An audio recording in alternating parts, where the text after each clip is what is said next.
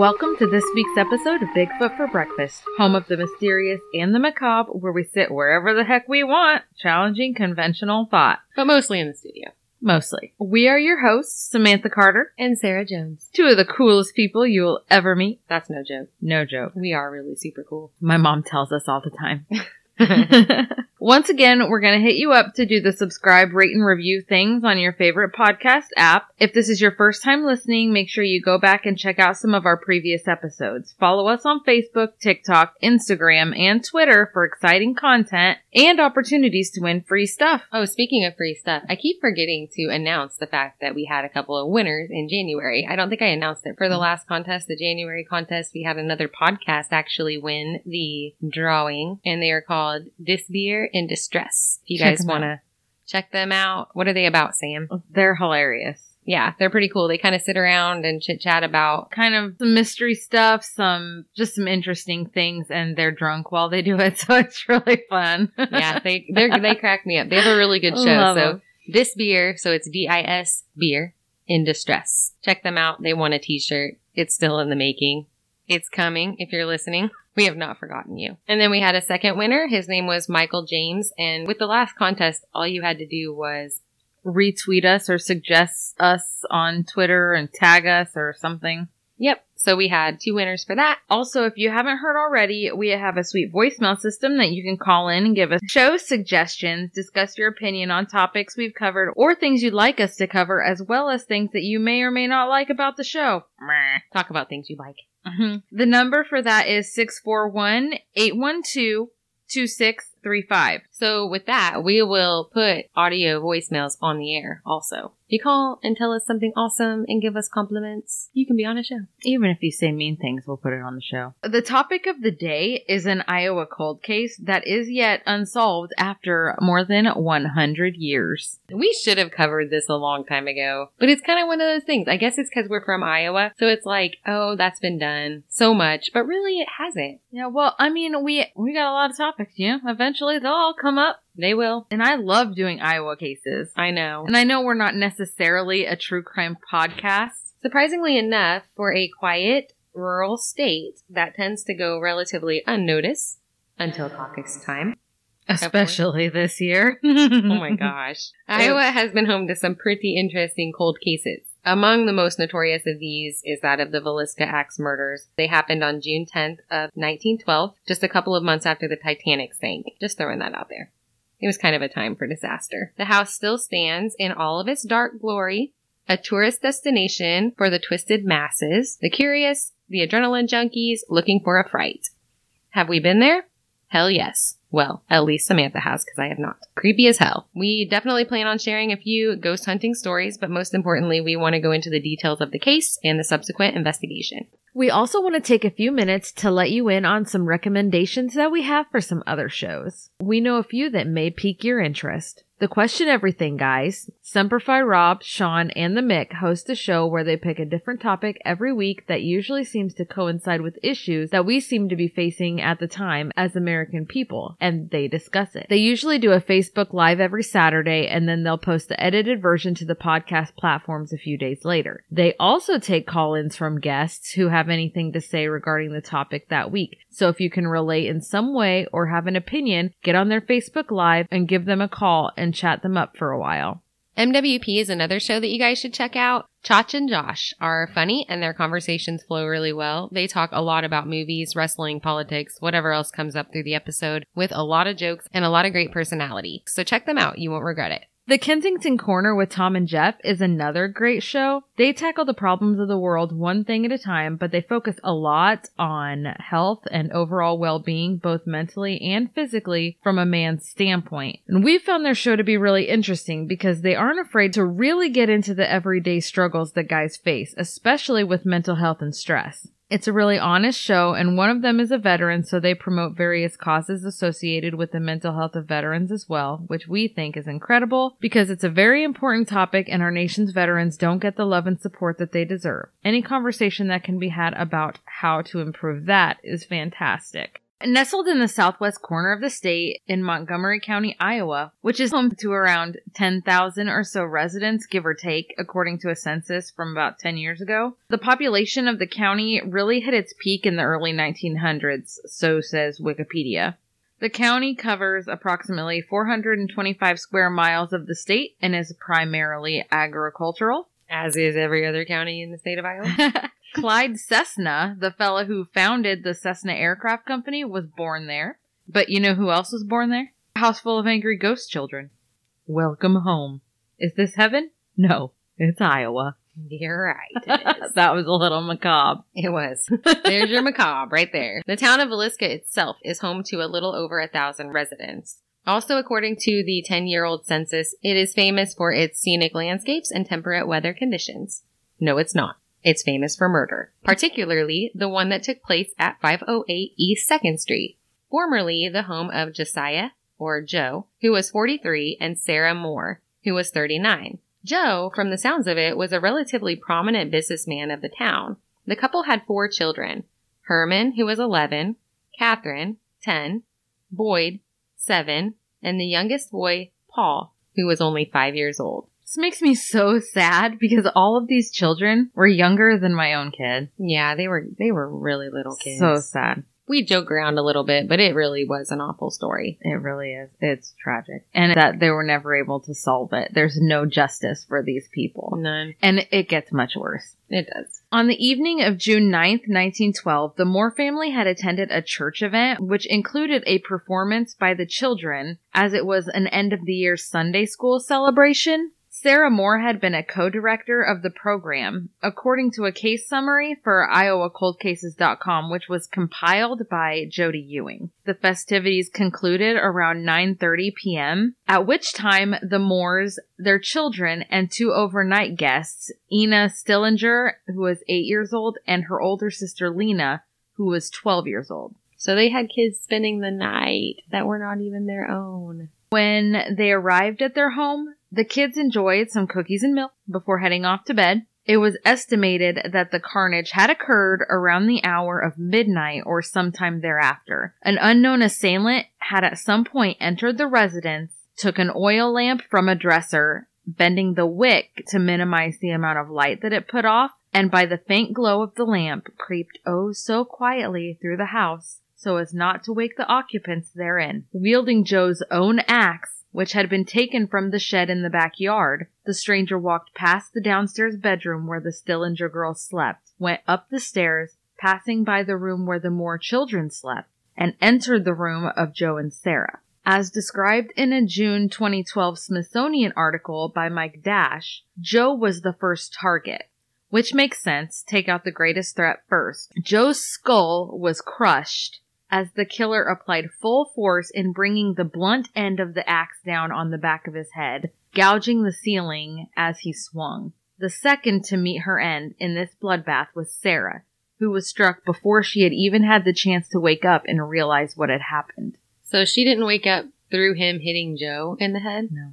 Oh. So it sounds like the first time it was just one hit. Just the one hit crushed his, yeah, he was dead. Okay. I mean, but yeah, one hit. After Sarah, the next stop for this terror train was the bedroom where the four Moore children slept. Each of the children was dispatched in the same grotesque fashion as their parents. The children remained in their beds, giving no indication that either of them woke up before meeting their untimely and unseemly death.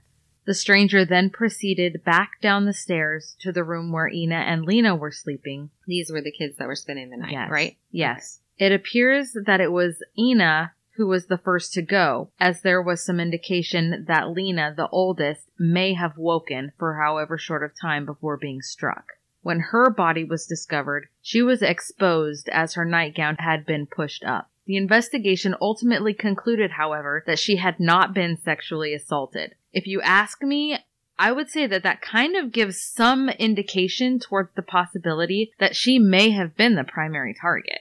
Don't breathe that sigh of relief just yet, folks. It gets worse. After the slaying of the final victims, the killer then went back upstairs, back to the parents' bedroom, and continued his assault on Joe and Sarah, whose heads were beaten to a pulp. Joe alone sustained around 30 blows. He then covered their bodies with the bedsheet, but he didn't leave it at that. He did the same to all of the children, leaving them unrecognizable. He then dug through a dresser to find clothing items. What was left of Herman's face was covered by an undershirt. A dress was placed over Catherine's face, and other garments covered Boyd and Paul. The mirrors of the home were ritualistically covered as well by items of clothing belonging to the family. The assailant filled a bowl with water in which he washed his bloody hands and hung out at the house for a while, leaving at some point before 5 a.m. Before he left, though, he got weird. Like real weird.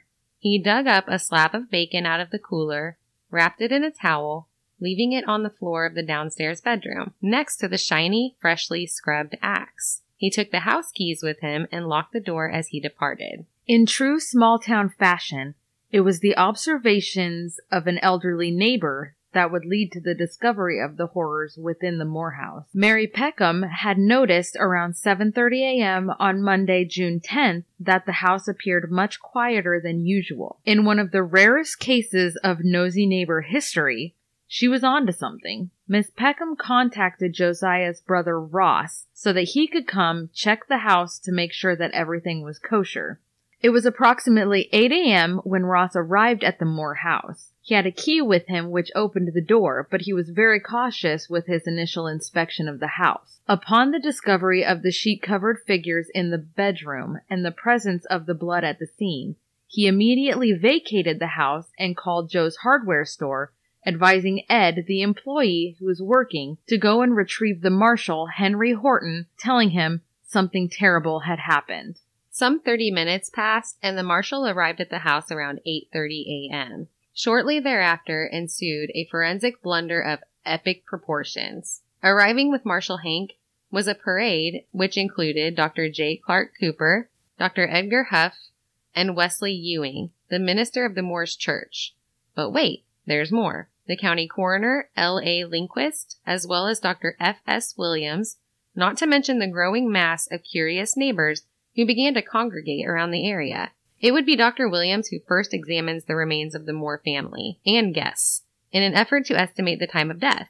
It was also said doctor who set off the frenzy of amateur investigators and looky-loos who trampled through the house when he triggered their curiosity with the following PSA. Don't go in there, boys. You'll regret it for the rest of your life. His advice was kind of like yelling duck or don't look down. If someone tells you to not to, you fucking do. The townspeople and the neighbors trampled through the house, destroying any evidence that may have been there, leaving fingerprints, footprints, and one of the possibly 100 people to have stomped through the scene went so far as to hijack a piece of Joe's skull as a souvenir. Are you serious?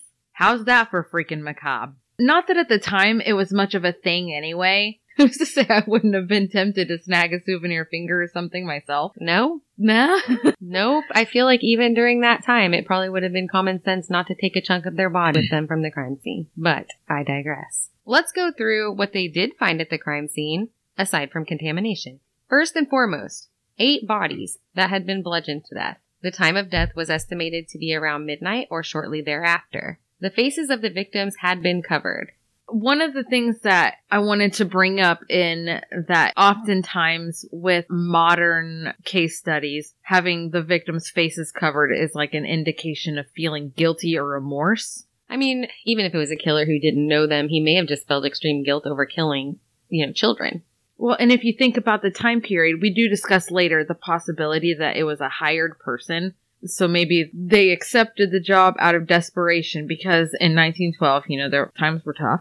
So they may have felt guilty over killing kids, and it also could have indicated that they knew them. Or there could have been a, a religious aspect or anything, some sort of psychosis. But my point was that usually it indicates some form of guilt or remorse.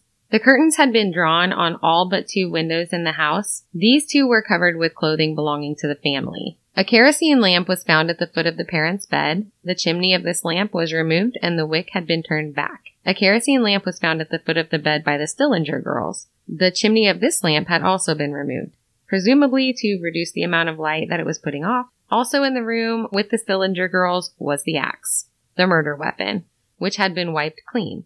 The axe was confirmed to belong to Mr. Moore. There were gouge marks in the ceiling from the upswing of the axe, present in the parents' room and in the children's rooms. A pan of bloody water was found on the kitchen table next to a plate of uneaten food, in which the killer presumably washed his hands. All of the doors of the house were locked. A piece of keychain was found on the floor in the downstairs bedroom where the Stillinger girls slept. One of Sarah Moore's shoes was discovered on the side of the bed in which her husband slept. It was covered in blood and laying on its side. Dr. Lindquist assumed that it had been upright when Josiah received the first blow to the head, and then the killer knocked it over onto its side when he returned to the bedside the second time to continue his desecration of the bodies, based on the pattern of the blood covering the shoe. A two pound slab of bacon wrapped in a dish towel was found in the bedroom with the Stillinger girls next to the axe. Are, are we gonna like discuss why the bacon? Why? What's the deal? Sam wrote this. This is why I'm surprised. You're Um, surprised about the bacon? I had not read that there was bacon involved. Well, and then there was, I mean, they opened the refrigerator and found another slab of bacon. I mean, it clearly had come from their fridge. He took it out and just set it out there. I feel like if you take out bacon specifically and wrap it in a dish towel and set it in the room with people you I mean, just killed, it's there's very gotta be deliberate. Maybe it was a sacrifice. He sacrificed it. uh, like uh offering to the ferryman. I don't know. Oh my Have some bacon because I don't got any pennies. So, to recap and retrace the steps of the killer, he retrieved the axe from the backyard, entered the house, bypassed the downstairs bedroom, went upstairs, bypassed the first bedroom where the children slept, went to the parents' room, killed the most likely threat first, somehow without waking his wife who lay beside him, killed her, then left to go to the children's room, killed the four Moore children, still without waking the two girls who slept downstairs, then went downstairs, killed the youngest of the Stillinger girls, possibly waking up the older of the two, possibly attempted to sexually assault her, but did not, and then killed her last. After which, he returned in an unknown order and inflicted additional damaging blows to all of the victims and then covered their faces, washed his hands, hung around the house, and then finally left sometime before 5 or 6 a.m. And sometime in there, the bacon thing happened. I don't know what he was doing with the bacon. I do recall when we took our tour of the home that it was mentioned that there was speculation that the killer may have had the axe and was in the house hiding before they even returned from the event and laid in wait until they were asleep to do the deed. I'm not sure if that's true or not, but I do recall that being speculated on and discussed while we were at the house. That's what I remember. I guess is a lot of people saying that he they think that he hid out. Yeah, and that's where um in our interview he, we kind of discussed the crawl space or they called it like an attic room, but it's more like a just a closet upstairs. Yeah. Anyway, So for us to look at the chain of events as it occurred, as well as the likely vast amount of evidence left behind at the scene by the guilty party, it's easy for us to say it was an entirely solvable crime. In our time, there is no doubt in my mind that this investigation could have been swiftly concluded with a more favorable outcome. The scene would have been absolutely handled differently. We can look at the events which followed this crime and gasp about how botched the investigation was at every step of the way. The fact of the matter was, firstly, this town had probably never experienced anything of the sort, including the doctors and police officer that were there in charge of the investigation. Secondly, the fingerprinting and other methods of CSI had only recently become a thing, and the idea of DNA collection and testing was a feat unimaginable. Not to mention, even if they had managed to collect fingerprints, there was no central database, so it's unlikely that they'd have been able to use that evidence anyway. Even if they had correctly secured the scene to preserve any evidence that may have been present, I know we all have ready access to CSI training via Netflix crime investigation, documentaries, and shows, but there are a few things that I feel were done appropriately, and we will give them credit, including the actions of the brother who did exactly what he should have done, if you recall, we mentioned that he was cautious in entering the house and left the scene immediately when he discovered what had happened, without disturbing anything. The victim's brother called the local marshal, who arrived within 30 minutes of the report, which is a fair response time. The marshal brought with him more than one doctor to aid in the investigation, although one would have been likely enough. But I'll give him credit for having the forethought to bring someone to examine the bodies. And they did. To their credit, just send in one doctor to begin with, from what it sounds like. But then they pretty much opened the crime scene as a tourist attraction, making any possibility of evidence preservation impossible. Since we're on the subject, let's deviate a little bit to clarify where the science of forensics actually was as far as capability at the time of this particular investigation. According to an article on the history of forensics at universalclass.com, fingerprint patterns had been studied since before the 1800s, but it would not become a measure of personal identification or criminal evidence for many decades. It was actually 1788 when Dr. Daniel Grew published an anatomy book which made the claim that, quote, the arrangement of skin ridges is never duplicated in two persons, end quote. In 1880, Henry Faulds wrote an article which encouraged the use of fingerprint impressions on a variety of surfaces, including in the scientific identification of criminals. The science is known today as dactylography. In the early 1900s, the use of benzidine, a chemical compound that had been developed as a universal presumptive test for blood. Forensic science began growing significantly in the early 1900s with the use of chemical testing on body fluids, as well as microscopic studies of the markings on bullets, knives, and other tools. So truly, at the time of this particular crime, in a small rural area such as Villisca, Iowa, the resources, education, and concept of studying the evidence evidence of this crime in order to conclude a guilty party was not really an option at all. There was actually a suspect in the case, in which the collection of fingerprints may have been useful in either convicting or clearing of guilt.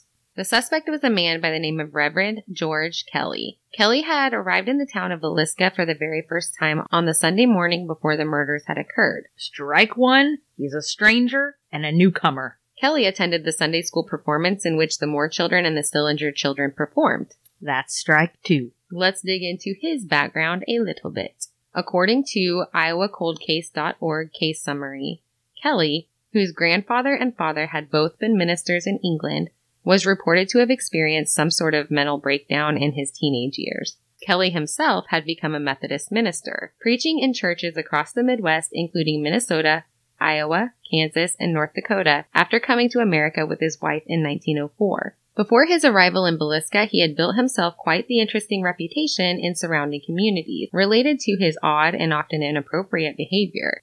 Following the incident in Villisca and the chain of events that followed, Kelly's brushes with the law continued, including a conviction for having sent obscene material through the mail. They even did that then. Now we're just doing it over the phone. Right. But they were doing it like by snail mail? Seriously. So at one time, Kelly had placed an ad in the paper seeking a female personal secretary to assist in the typing of a novel that he was writing. This ad was answered by a young girl from Council Bluffs, Iowa, who was fresh out of high school named Jessamine. Kelly and the girl began interacting through mail correspondence, and it took very little time for the Reverend to cross the boundaries of appropriate conversation to his potential employee. One of Kelly's letters informed this girl that her duties as his personal secretary would be typing in the nude. Gross. Hashtag send nudes. The girl was unnerved by this request and sought counsel from her own pastor. After reading the letter, he contacted the postal authorities as well as the local sheriff, and a strategy was devised at this time to build a case against Kelly for his lewd correspondence. They penned a phony response to his letter requesting additional information from Kelly regarding his unconventional request to which he was more than happy to respond. The content of the subsequent letters was increasingly inappropriate, and it was then that the postal inspectors had Kelly arrested for sending obscene material through the mail. Kelly was convicted and sentenced in 1914. He was initially ordered to serve his time in Leavenworth, Kansas at the federal penitentiary. However, he was found to be mentally ill, and it was instead ordered that Kelly be placed in St. Elizabeth's National Mental Hospital in Washington, D.C., where he was diagnosed with paranoid schizophrenia. Six months later, hallelujah, he was cured, released, and returned to his wife Laura in Iowa. So, to backtrack, strike three for Reverend Kelly in regard to Villisca Axe murders lies in the manner of his manner of Manner. his manner. I felt very um Sean Connery manner. Villisca murders lies in the manner of his departure from the town. At 5:19 a.m., the morning that the family was discovered to have been slain, the Reverend Lynn George Kelly hopped aboard a westbound number 5 train and left Villisca. Let's get the hell out of Dodge. Leaving immediately after the murders of eight people may not have been evidence in itself. However, it has been alleged that Kelly told some of the other train passengers that there were eight souls back in Villisca, Iowa that had been butchered in their beds as they slept. Sharing the story of the crime wouldn't have even put a nail in the coffin as a suspect if it hadn't been for the fact that at the time he was sharing the story of the heinous crime that had occurred, the bodies of the Moore family and the Stillinger girls had not even been discovered yet. How did he know? And did he smell like bacon? He smell like bacon? As if that wasn't enough, in the week following the deaths of the victims, Kelly seemed to become obsessed with the event. Kelly composed a series of long, rambling letters. Recipients of these bizarre messages included state and local investigators, private detectives, as well as relatives of the victims. Two weeks after the murder had occurred, he returned there to preach and went so far as to have arranged to stay over that Monday, convincing Reverend Ewing to take him for a visit to the murder house. So, first of all, he inserts himself into the investigation by writing the letters. right. And second of all, he returns to the scene of the crime. That's Right. strike four and strike five. And then he was just simply talking about it before anyone else knew. I feel like that is enough right there. A group of investigators so happened to be going through the house at the time, so Kelly was lucky enough to have been allowed to join them, as documented by Edgar V. Epperly in literature found on the VilliscaMovie.com. It was less than a month after the brutal murders that Kelly's dispatches about the event began to draw the attention of officials who were investigating the crime. In particular, the attention of Tom O'Leary, who worked for the Hayes Detective Agency. He became very suspicious of Kelly and wrote him a flattering letter asking for details about what had happened that Sunday night in Villisca. Kelly responded to O'Leary, also writing to several other investigators detailing events in a way that came off possibly incriminating. In these messages, Kelly claimed that he had been out for a walk in the area and heard the thud of the axe. He alleged that the killer had been disturbed by a couple who was walking by and that he had stepped out onto the porch until they had passed. His claims were very detailed in that he stated that Sarah Moore had reared up in bed before the killer struck. The details of Kelly's claims kept him under investigation by the state attorney general throughout the year, but the investigation was kept away from the public press.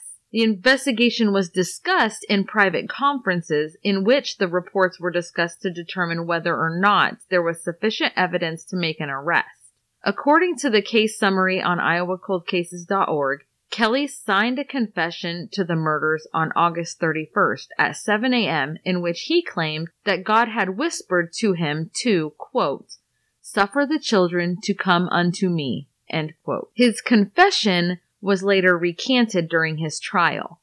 The case went to the jury on September 26th. Obviously, the evidence found and presented was deemed inadequate, as the jury deadlocked 11 to 1 for acquittal. A second jury was then called, but acquitted Reverend Kelly in November. This is likely in part because his obvious mental illness made it difficult to separate what he had actually experienced from his delusions about the grisly crime. It's also probable that the fact that he was a minister influenced the perception of the investigators, making it difficult to see him as someone who would have committed such a crime. Although no suspect was ever convicted for the crime, Kelly would not be the last to be suspected or accused. In May of 1913, the federal officer who was investigating the Villisca murders claimed to have discovered the culprit Henry Lee Moore, and he was not only guilty of these murders, but of others as well. Born November 1st, 1874 in Boone County, Missouri, Henry was living with a family in Franklin County, Iowa, working as a farmhand in 1900. About nine months prior to the Villisca murders, a man named H.C. Wayne, his wife and child, and Mrs. A.J. Burnham and their two children were bludgeoned with an axe in Colorado Springs, Colorado.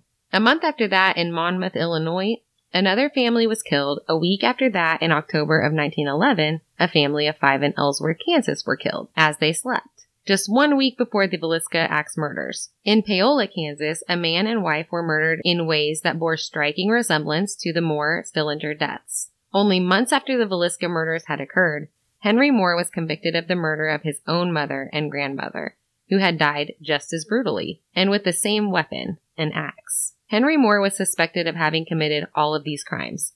However, he was not convicted of any of them, except for his own mother and grandmother.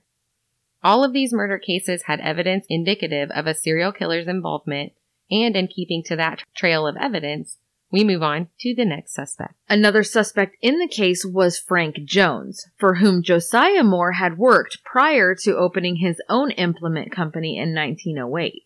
It sounded as though the townfolk were pretty open about discussing their knowledge of Jones's anger towards Moore after leaving his employ and taking the John Deere franchise with him, which happened to be quite lucrative. There was also apparently a rumored scandal involving an affair between Joe Moore and Jones's daughter-in-law. Of course, Jones denies any involvement and no arrest was ever made. But that didn't stop Detective Wilkerson from accusing Jones of hiring a man to do the job for him, which brings us to our next suspect. William Mansfield, who was also known by the aliases George Worley and Jack Turnbaugh, was suspected for the axe murders of his own wife and infant child. Gosh, was everybody just killing people with an axe or what? Lay axe and hey, buddy. Hide your children, hide your wives. How many of these guys are there? Anyway, so he killed his wife and infant child, along with his father-in-law and mother-in-law, which occurred in Illinois in the year 1914, so just two years after the Liska murders. He was also suspected of the murder of Jenny Peterson and Jenny Miller of Aurora, Colorado, as well as the family that was murdered by axe in Paola, Kansas, that we mentioned earlier. These murders were all carried out in strikingly similar fashion, which indicated the likelihood that the same person may be responsible for them. James Wilkerson of the Burns Detective Agency was adamant that he could prove Mansfield's presence at each of these crime scenes on the nights of each of the murders occurring. In all cases, the victims were hacked to death with an axe, and the mirrors of each house were covered up. Also, at each of the scenes, a burning lamp with the chimney off was left at the foot of the bed, a basin in the kitchen in which the murderer washed his hands. Not to mention that the murderer in each case wore gloves so as to avoid leaving fingerprints because he knew his fingerprints were on file at the federal military prison at Leavenworth and could connect him to these crimes. This was enough evidence to convince Wilkerson that Mansfield could indeed be the guilty party in all of these aforementioned cases. It was suspected that Mansfield was hired by the previously mentioned Frank Jones for the Villisca murders. Andy Sawyer had early on been a suspect in the case, as was most any other vagrant or transient who had been in the area on the night of the murders. And like many of the other vagrant suspects in the area, there was not really any hard evidence to link him to the crime. So the story with Andy is that according to a bridge foreman for the Burlington Railroad, the morning the victims had been found, Andy approached the crew in Creston, Iowa around 6 a.m. asking for employment. Andy was wearing a suit and was clean shaven, but his shoes were covered in mud and his pant legs were wet from the knees down. In spite of his questionable appearance, they did give him a job. The crew, though, began to complain that Andy slept in his clothes and behaved anxious to be by himself. They also had noted some other odd behaviors from him. Apparently, at one of their stops, Andy had purchased a newspaper which had an article about the Villisca murders and he was way too interested in reading it. According to reports of the other crewmen, Andy slept with his axe and talked constantly about the Villisca murders, focusing specifically on whether they had arrested anyone for the crime. Andy spoke about how he was in Villisca the Sunday night that the murders had occurred and that he may be suspected, explaining that this was his reasoning for leaving the area and going to Creston, where he met up with the crew. By June 18th, the foreman had become suspicious of Andy and turned him over to the sheriff. It was reported that Andy's behavior before the sheriff arrived was bizarre. He was sitting in a chair, rubbing both hands with his head. Rubbing his head with both hands? Yes. Rubbing his head with both hands. I know. Get that. oh, lordy. Okay. He was sitting in a chair, rubbing his head with both hands when he was approached from behind by the foreman. At which point, Andy jumped up stating, I will cut your goddamn heads off, and then began swinging the axe. Well, I'll be damned.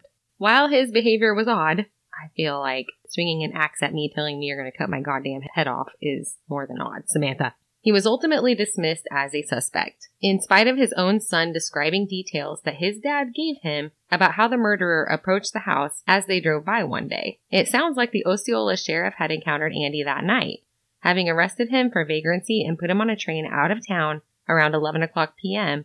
the night the murders happened, according to VilliscaIowa.com. They put him somewhere else, which is why he was dismissed. Okay, so they had already sent him out of town on a train, but did they see him get on the? But that was in Osceola. So if he left Osceola He could have been in Villisca. somewhere between midnight and 5 a.m. That's really true. So, Mm. mm, Mm, the timeline fits. mm. Mm. Another suspect, Joe Ricks, had been detained on suspicion of the murders just three days prior to Andy Sawyer on June 15th, 1912. Joe was picked up in Monmouth, Illinois when he stepped off of a train and was observed to be wearing shoes that were covered in blood. With the technology of today, of course, this would have been fantastic evidence to link him to the crime or dismiss him as a suspect. Or link him to some other crime because whose blood was it? For real. That's significant. Joe's claim was that he had come to own the shoes through trade with another vagrant. He traded for shoes covered in blood. I know I'd be pretty hesitant to accept a pair of shoes that were covered in blood. It was pretty smart of the other guy to get rid of them if that was truly the case. Here, take these nasty shoes. He had only been considered a suspect to begin with because he matched the physical description of a man who had been reported by the Moore's 16 year old niece, Faye Van Gilder, who stated a man had hounded her the Saturday before the homicide asking where the Moore family lived. Hmm. Faye had in fact told Mrs. Moore about the man, and Mrs. Moore reported that a strange man had been hanging around their place and fit the description given to her by her niece. It turned out, when he was being questioned in Illinois, that he was actually from Clarinda, Iowa, which is a mere 15 miles away from Villisca. However, when she was brought face to face with Joe Ricks, Faye Van Gilder did not recognize him as the man by whom she had been harassed about the Moore's address, and he was released and dismissed as a suspect. I want to go ahead and tell everyone that if you hadn't done any reading on this subject, VilliscaIowa.com is a really great site with all kinds of pictures and information on the family and the suspects and pretty much all things related to the case, so you should definitely take the time to look through it on your own. You don't even have to give it a Google. We have the direct address. Mhm. The suspect list does not end here. There was even one man who confessed in the killing, stating that he had been hired and offered $5,000 to do the job. According to George Myers, who also went by the alias Leroy Robinson, he confessed to the murders while being detained in Detroit on an unrelated burglary charge. On March 28, 1931, detectives Max Richmond and Earl Anderson obtained a confession after a grueling five hour interrogation of an inmate after receiving an anonymous letter to check up on this inmate. This is a direct quote from George Myers. I never knew what the man's name was. He pointed out the house of the family who he wanted wiped out. I demanded part of the money from him before I did the job. He gave me $2,000. He said he would give me the rest afterwards. I got an axe and entered the house about midnight. I killed them all, the man, his wife, and their four children. They were all asleep. A little while after, I again met this man who had hired me and told him the job was done. I wanted the rest of my money. He said I would have to wait. According to the report of his confession, Myers said that when the businessman insisted that he received confirmation that the family had been killed before he would pay the other half of the money, Myers hightailed it out of town before daybreak and never went back for the money. Now, while Myers willingly confessed to the slaying of Mr. and Mrs. Moore and their four children, he vehemently denied the killing of the Stillinger girls, insisting he killed six people in total, not eight. At this time, it was still suspected that whoever killed the Moore family had also killed the families in Colorado, Kansas, and Illinois. Catching this serial murderer was a big deal, and having inconsistencies in his confession could be detrimental to the case that they were working so hard to build. So, from what I can interpret, it sounds like he had been implicated in a plot with nine other inmates to escape from jail, but on March 30th, George Myers was sentenced to up to 15 years in state prison for other crimes, and because of the discrepancies in his confession, was never tried or convicted in the Villisca murders or any of the other possibly related cases. Okay, so at this point, we want to kind of go into an interview that we've done with somebody who has been to Villisca, stayed the night there, and had a couple of experiences, odd experiences, nothing crazy definitive, but still odd, kind of commonly reported things by other people. This is a guy that I used to work with, Justin. We'll go right into it. All right. So, what do you want to know, Carter? How do you want me to tell this? When did you? I, I called you Carter for so long. It's just Oh, it's okay. People still do all the time. When did you guys go to Villisca? I know it's been a few years ago. I remember you oh guys. shoot, I can't even remember to be honest with you. It's been I think it's about six years ago, something like that. All right. It's me and my mom, uh, two sister, two of my sisters, and then my niece. Okay. Did you guys all have experiences or did you just have one? There was some collective things that went on as you know the, the whole group kind of scene. there was one point in the night where we were just sitting there my sister lori my older sister and then my sister jennifer's daughter haley. Uh, the three of us were sitting in the living room. My mom and my other sister jennifer had went out to the barn to take a break. We'd been sitting there long enough and they were like we got to get up and get out of here for a little while. So they went to the barn we were sitting in the living room and it was middle of the night, and I don't know, probably two o'clock in the morning, something like that. I had a lantern on, and my sister had a flashlight on. Both of them sitting on side tables where no one was touching them. They were just lighting up the room so that we could, you know, all see each other. Right. And lights out, just like that. Both lantern and the flashlight. Really? Yeah, you talk about scrambled in a room really fast to try to find some light. Grabbed my cell phone. I think I just had a flip phone back then, so I flipped it open just to get enough light to see, you know, what was going on. But we clicked them both back on. They both came back on just fine. That was one of like the really what you might call it, uh, as my nine-year-old daughter calls it, the jump, the jump scare. You know, that's all jump. You know, it was like, holy cow! Well, you know, why would that have happened? both flashlight and the lantern off at the same time. We tried several things throughout the house. We tried the, the letters upstairs, you know, how people say the letters get rearranged. We attempted that trick. Uh, we attempted the ball, uh, rolling the ball back and forth. We never really got anything, any response out of anything like that. And I videotaped quite a bit. I took oh, a couple hundred pictures and really didn't see anything. I did have my EMF meter there it really didn't do a whole lot. The one thing that got me the most was every time we walked upstairs, I would get about, and it only affected me. Normally, I would have thought it was probably an atmospheric thing or, uh, you know, temperature, weather, something like that. But the air conditioners were both running in the house. But every time I would get about halfway up the stairs, I would get this heavy, you know, almost short of breath feeling in my chest where I couldn't stand to be up. I would never last any more than three to five minutes upstairs before I was heading back downstairs. Once I get back downstairs, the feeling would go away. And it was throughout the night. I mean, it, it happened every single time that I went upstairs. And that's a pretty commonly reported thing is that feeling of heaviness, especially in the upstairs. I've read a lot of stories and that's that's what a lot of people say that it's just this heavy, sad, short of breath, kind of just dense feeling that they get. It was horrible. Being in the medical field as long as I've been in, I started questioning when I first went upstairs and I started having the feeling, I'm like, Jesus, am I having a heart attack? Yeah. You know, why am I having so much chest pressure? It is a feeling that I was wasn't used to at all. So, you know, it was it was odd to have, and definitely made you feel like something horrible was there. I never felt like you know like like there was an actual presence. Just uh, just kind of an after feeling, you know, like yeah, something really bad has went on here. Which I mean, you know that going into it, but you can almost feel it in the room. You didn't have any experiences like with the balls, though. People are always reporting like the balls rolling, things like that. No, Nothing like that. Uh, the only other thing that happened to us was actually on our way home.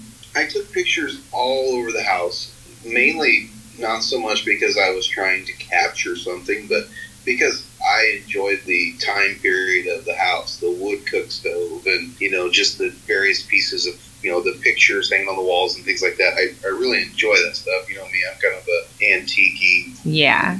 nerd when it comes to that kind of stuff. So you know I was taking pictures of stuff just so that I could look back through it later on. And in one of the pictures on the back of the wood cook stove, on the top of it, there was I think three different postcards from that time era, from the early 1900s postcards. And I didn't think anything of it at that time. But the next morning, you know, we all got around at like 6, 6.30 and headed out back east, you know, to come home. We stopped at a Casey's about 45 minutes after we left there to get coffee and, you know, soda or whatever. My sister Lori was driving, and she looks down on the floorboard, and one of those postcards is laying on the floor. Oh, that's weird. Yeah, and you know, we've had these talks a lot, you and I have, and I'm not one to say that things don't happen, but she was like, "Oh, I'll just take it home Yeah, and, no. and I'll send it back to them." And I said, "No, you won't. It's going in the trash here." And I took it out and threw it in the trash. I said, "There's no way any one of us are taking this home with us." I said, it, it, "Nothing from that house needs to travel to our houses."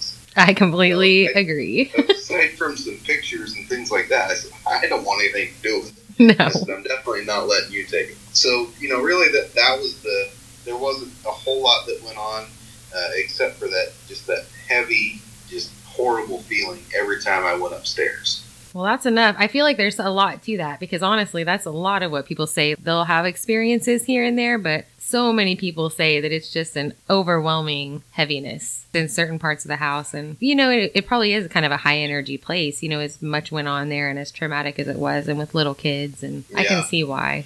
I don't know. I can't remember in relation. You and I had talked about it before I went because if I remember correctly, I was trying to book the anniversary date or something very close to it. Yeah. At that point in time. So maybe it's been longer than I thought it had been because I feel like it's been quite a while. 2012 wasn't that the anniversary date? Yeah. Yep. It would have been. So maybe it's been eight years. I don't know. Yeah, because I can remember talking to you about booking the anniversary date because I still would that would still be a trip to this day that I would love to go on. I really want to go. I have yet to spend the night at the Villisca house. Samantha, you have twice, haven't you? The group went twice. I went once. We did stay through the whole night. I, like the craziest voice recording ever.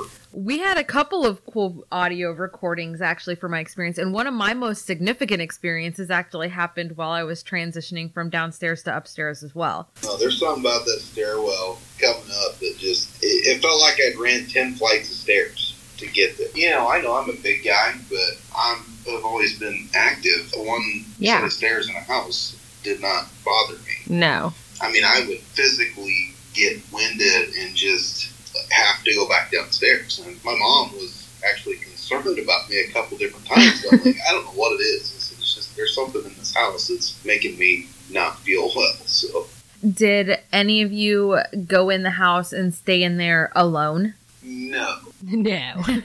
That's what most people say. No. No, thank you. no, I'm still a 300 pound man, and I don't think I would go in the house and stay by myself. I did about 30 minutes in there alone. Everybody went out to the barn, and Um, for me I happened. some things that I felt were pushing the limit. One time while I was upstairs, I, I battled through some of the uh, some of the feelings up there, and I did crawl back into the area where they suspected the killer to be hiding. Oh my gosh. How'd that go? I don't know, kind of like every hair on your body stands on end because you know it, it just it was a creepy, eerie feeling back in there. So is it a crawl space then? Because I was imagining from the the top bedroom that there's like an attic that goes up from there and it's a full attic. Was it more like a crawl space then? in between the rooms, there's a crawl space that leads into an attic. It's it's absolutely uh, parallel with it's straight across. So Okay. you basically stand up in like this closet area, and you step out into the bedroom where the parents would have been. Oh. Yeah, Okay. It's not up above. It's right in the room. It's basically another room that you go through a two and a half foot door to get to. Oh, that's weird. Yeah, you you didn't see that part while you were there. No, I haven't I haven't gotten to go. Samantha did. You haven't got to go at all. No. Oh, that is crazy. I thought you'd been there. Nope, I totally want to. Sam wrote this whole this whole episode because I have not even gotten to see it yet, but she's had a few experiences there and got to go, Yeah. so it should be pretty good. It's an interesting story. So that part is pretty cool. You know, they were telling us that they even had people that had experiences in the barn, which I thought was odd. Huh, that is odd. But it, and maybe it was all for show. But the guy had told us, you know, he's like, "Hey, he's like, I've never seen anything here." He goes, "But make sure to all leave the house to take the keys with you because numerous times. He said, I've been here and I have left the house to come to the barn and come back and the doors will all be locked. He said, it's like the house tries to keep you out. That's so weird. The barn thing kind of gives me like a Hinterkaifeck vibe. Have you guys ever heard of that? It's like What? Hinterkaifeck. You should look it up in Germany, and it's kind of the same story, except the killer hid in the barn and lured the family members out one by one. The barn wasn't Oh, wasn't great. native to the. It wasn't there. No, it was after the fact. I believe the barn yeah, was it's newer, new. you can Okay. tell. But, you know, I, I broke some of the rules while I was there. I laid down on the beds. I uncovered the mirrors. Mm-hmm. Oh, they're all covered up.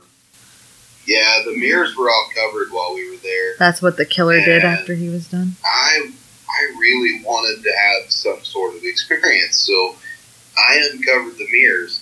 And not to say that anything happened, but it felt weird enough that I covered them back up afterwards. Yeah. That- Yeah. It, it would just scare the shit out of you when you walked in the room and forgot that the mirror was uncovered. Holy shit, you're standing in front of yourself. So yeah. I think that would do it for me too. I need to make a trip up there. I think that place sounds amazing. It's so close too. I don't know why I've just never I, I think done it's it. crazy that you've never been there. I know of all the things like we do all kinds of stuff, and I've never been to the Villisca Axe Murder House in Iowa. I cannot Yeah. believe it either. Did you um, go to the cemetery and see where they were buried?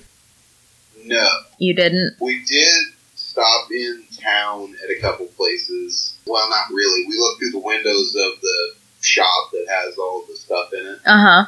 But it was closed while we were there. Oh yeah. We went out and ate. There was even some stuff in the restaurant that had little publications and stuff of it. But no, we did not go to the cemetery. I, I didn't even realize that it was around there. Yep, that was really cool. We had a tour guide take us out there, and we got to look at where they were all buried, and it's kind of creepy. But Yeah, but you had a little bit more pull. I mean, you guys were kind of putting on a production, so yeah, a little bit. they just wanted our money. Because it's not cheap to stay there by any means. no, it's not. But honestly, it's definitely worth it. I do recommend Oh, yeah. the experience to anyone. And anniversary date is booked out for years. That it's impossible to get an anniversary. I really wanted to go to the hundred year anniversary dates. No way, it's not happening. No matter you know, you have to book so far in advance. And there's not electricity in the house, correct? No, it's just up there's there's like a, a tall pole Mm-hmm. on one side of the house that has two plug-ins on the outside of the house, and then the air conditioners are stuck in. There's one in each level, and then they're plugged into the pole outside. There's no electricity in the house whatsoever. Yeah. And all the windows were plasticed over when we were there, so there was no seeing out except for the door was the only place you could actually look out a window. So when you're in there, I mean, aside from some you know car noises and stuff outside, you basically are blocked off from the outside world. You feel really It is. isolated. You do. I mean, you get a very enclosed feeling just because of the way the house is set up.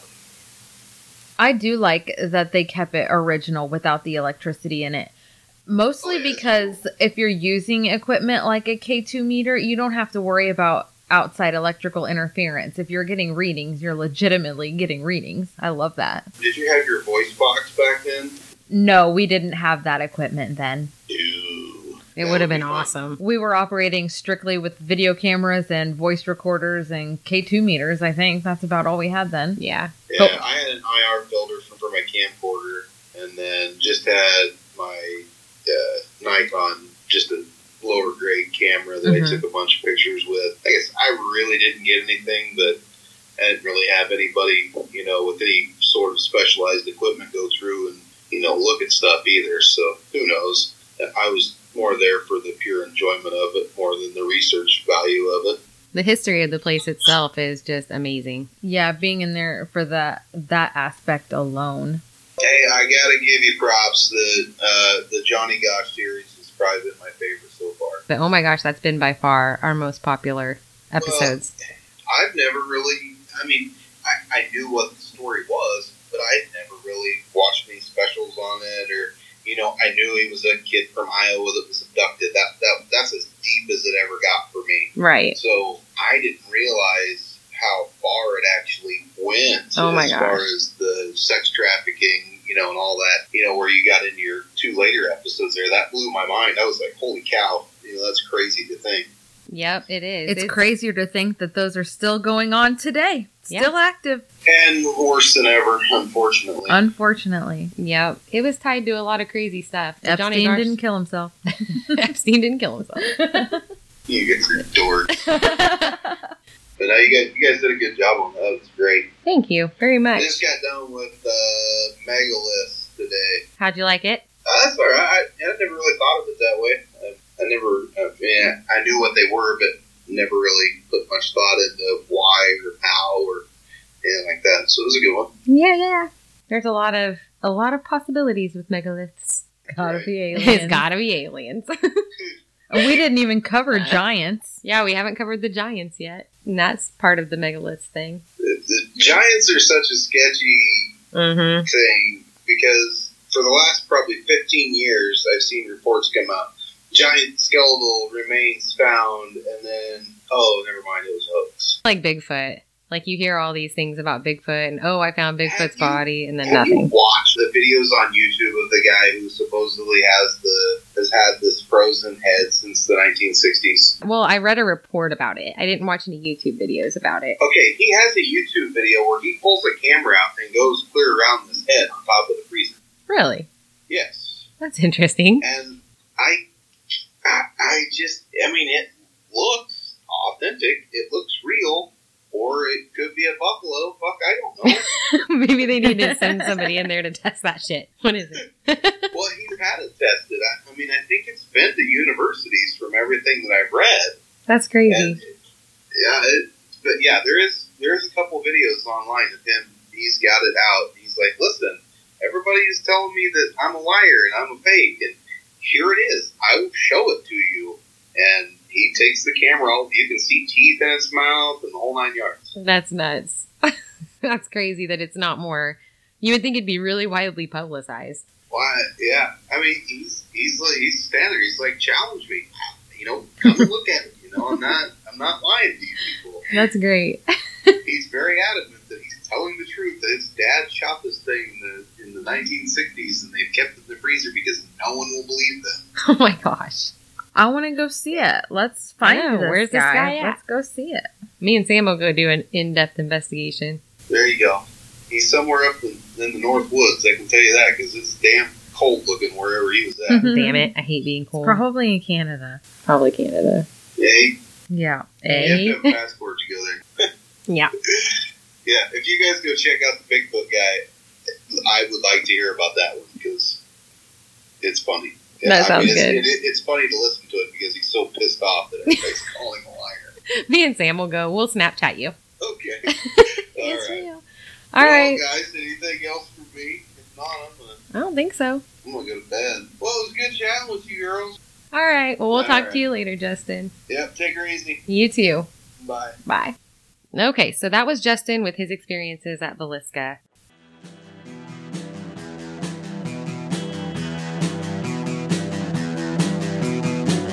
You're listening to the Prescribed Films Podcast Network, home to hundreds of hours of free podcast entertainment. The shows on this network all have a common goal providing you with the best discussions about movies and other forms of entertainment media. The PFPN hopes to fill your earholes with audio joy. Visit our website with links to all the other amazing shows at www.thepfpn.com. Thanks for listening.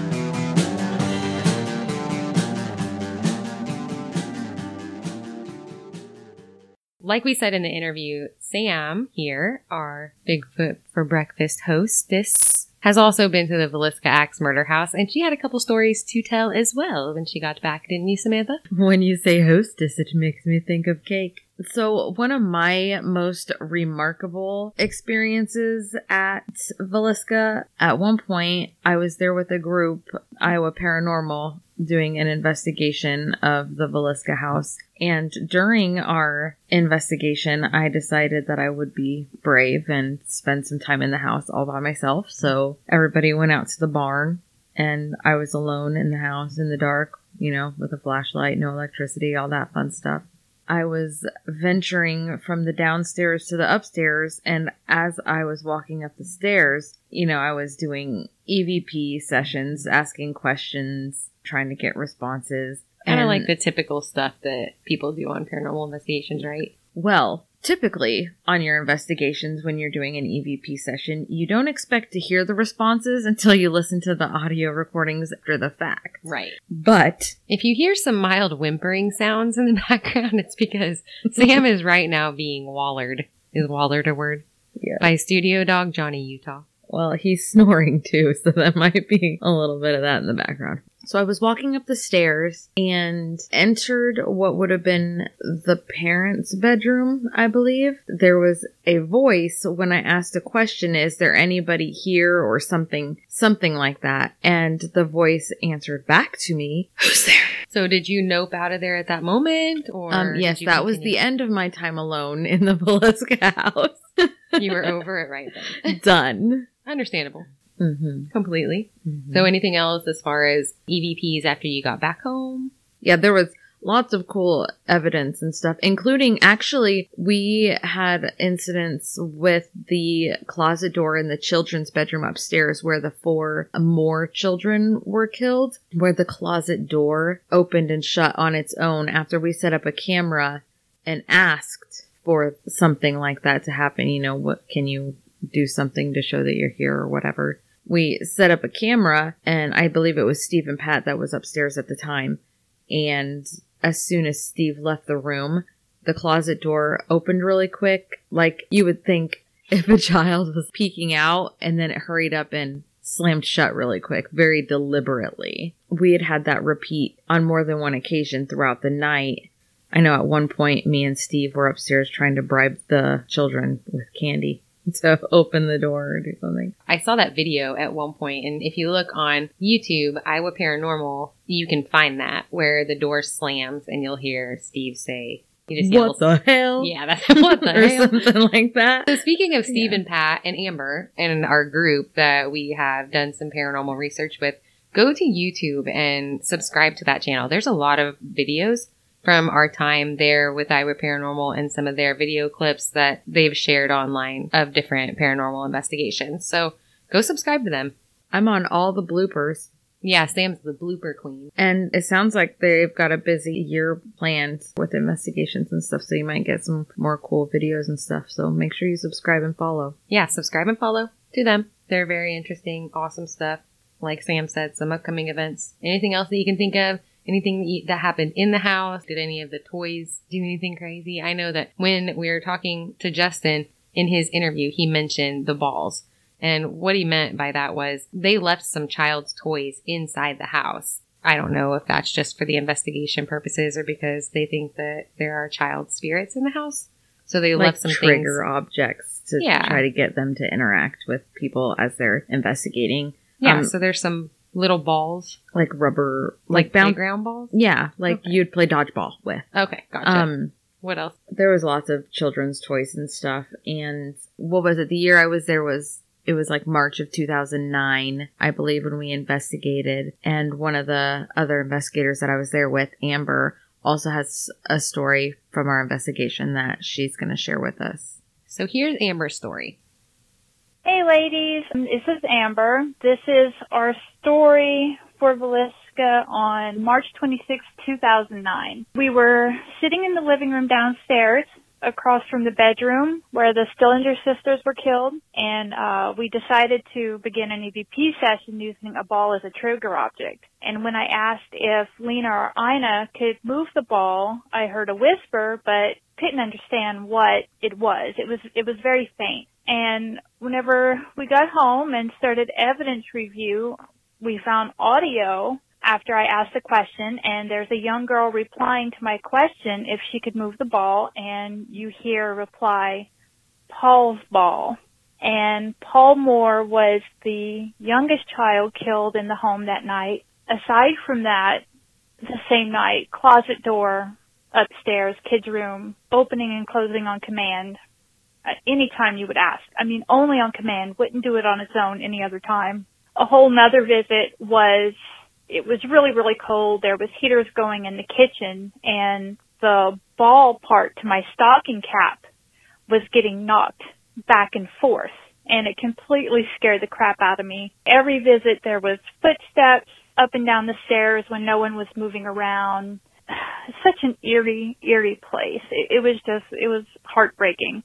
But to, to come back home and hear, you know, that, that little voice saying Paul's ball, it was heartbreaking, especially as a mom.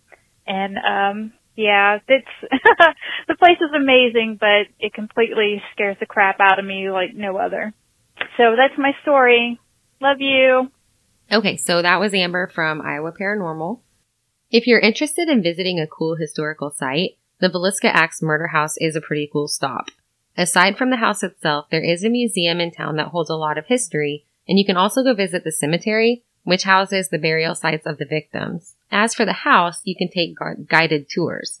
If you're not into the super creepy ambiance of being in the house at night, you can take a daytime tour according to VilliscaIowa.com. The price for individual daytime tours is $10 per person for people 12 years old and older, and for children and seniors, the cost is $5 per person. There is no need for a reservation for daytime tours. You can just show up during the warmer months beginning in March on Tuesday through Sunday between the hours of 1 p.m. and 3:30 p.m. and let the magic happen. I recommend taking some form of audio recording device with you in case anything cool happens while you're in there. If you really want to step it up and have a great experience investigating the realm of the paranormal, you can make a reservation for a nighttime tour of the house. And like we discussed in one of our interviews, these tours can be arranged for up to six people. Cost around $428 and like $75 for each additional person up to 10 people and 10 people is the maximum. Just because it's such a small place, you probably wouldn't want more than that. Um, you can make those appointments at VilliscaIowa.com. Um, looking for open dates on the calendar that they have available, and then there's a number you can call to schedule your tour. They do recommend bringing a sleeping bag and a pillow, and there is a barn that's just a few feet from the house, which has electricity, water, and a restroom for your convenience. During the nighttime tours, audio recording devices, video, and still cameras are encouraged, but they do love if you share any of their findings with them. This has, to this day, been one of my favorite haunted locations to visit throughout my time investigating with Iowa Paranormal. If you're interested in cool videos of haunting experiences, including experiences in Villisca, check out the Iowa Paranormal YouTube page and their website, www.iowaparanormal.com. You can also follow Iowa Paranormal on Facebook for photos, videos, and information on other upcoming events. Iowa Paranormal hosts a variety of public events in which they take you on fun investigations to a multitude of reportedly haunted locations. The house has been featured on the Travel Channel show Ghost Adventures. Zach Bagans' review of the location was that, that it was the most intense case of good and evil I have ever come across. The website VilliscaIowa.com and the official Facebook page for the murder house features tons of other reviews if you're interested in reading up a bit before you plan your visit. I highly recommend you check this place out for yourself. Thanks for checking out today's episode of Bigfoot for Breakfast. We hope that you enjoyed listening to one of our favorite home state cold cases. Don't forget to subscribe to our podcast on whichever app you listen from and leave us a rating and a review. This not only helps our show tremendously, but it helps you get in the running for some awesome free merchandise like a t-shirt or a glitter coffee mug. All you have to do for that is take a screenshot of your rating or review on your app and post it as a comment on our most recent contest post on Facebook. You can also send invitations to your friends to like the Bigfoot for Breakfast page on Facebook, screenshot the number of invitations, and post that on the contest post as well. We love giving things away and we're giving you so many ways to win the things. So the winner of that giveaway will be announced on February 29th. Happy Leap Day. If you're not into free stuff, but you want to interact with us anyway, you can reach out to us on Instagram, Twitter, Facebook, TikTok, or by email at bigfootforbreakfast at outlook.com. Or you can call our voicemail and leave us a message. The number to that is 641-812-2635. We love getting feedback on what you love about the show, what you want to hear, and what you think that we can do better. If you have any cool stories, we also love to hear those. Once again, thanks for being here with us and please come again. Yes, do. Bigfoot for breakfast out.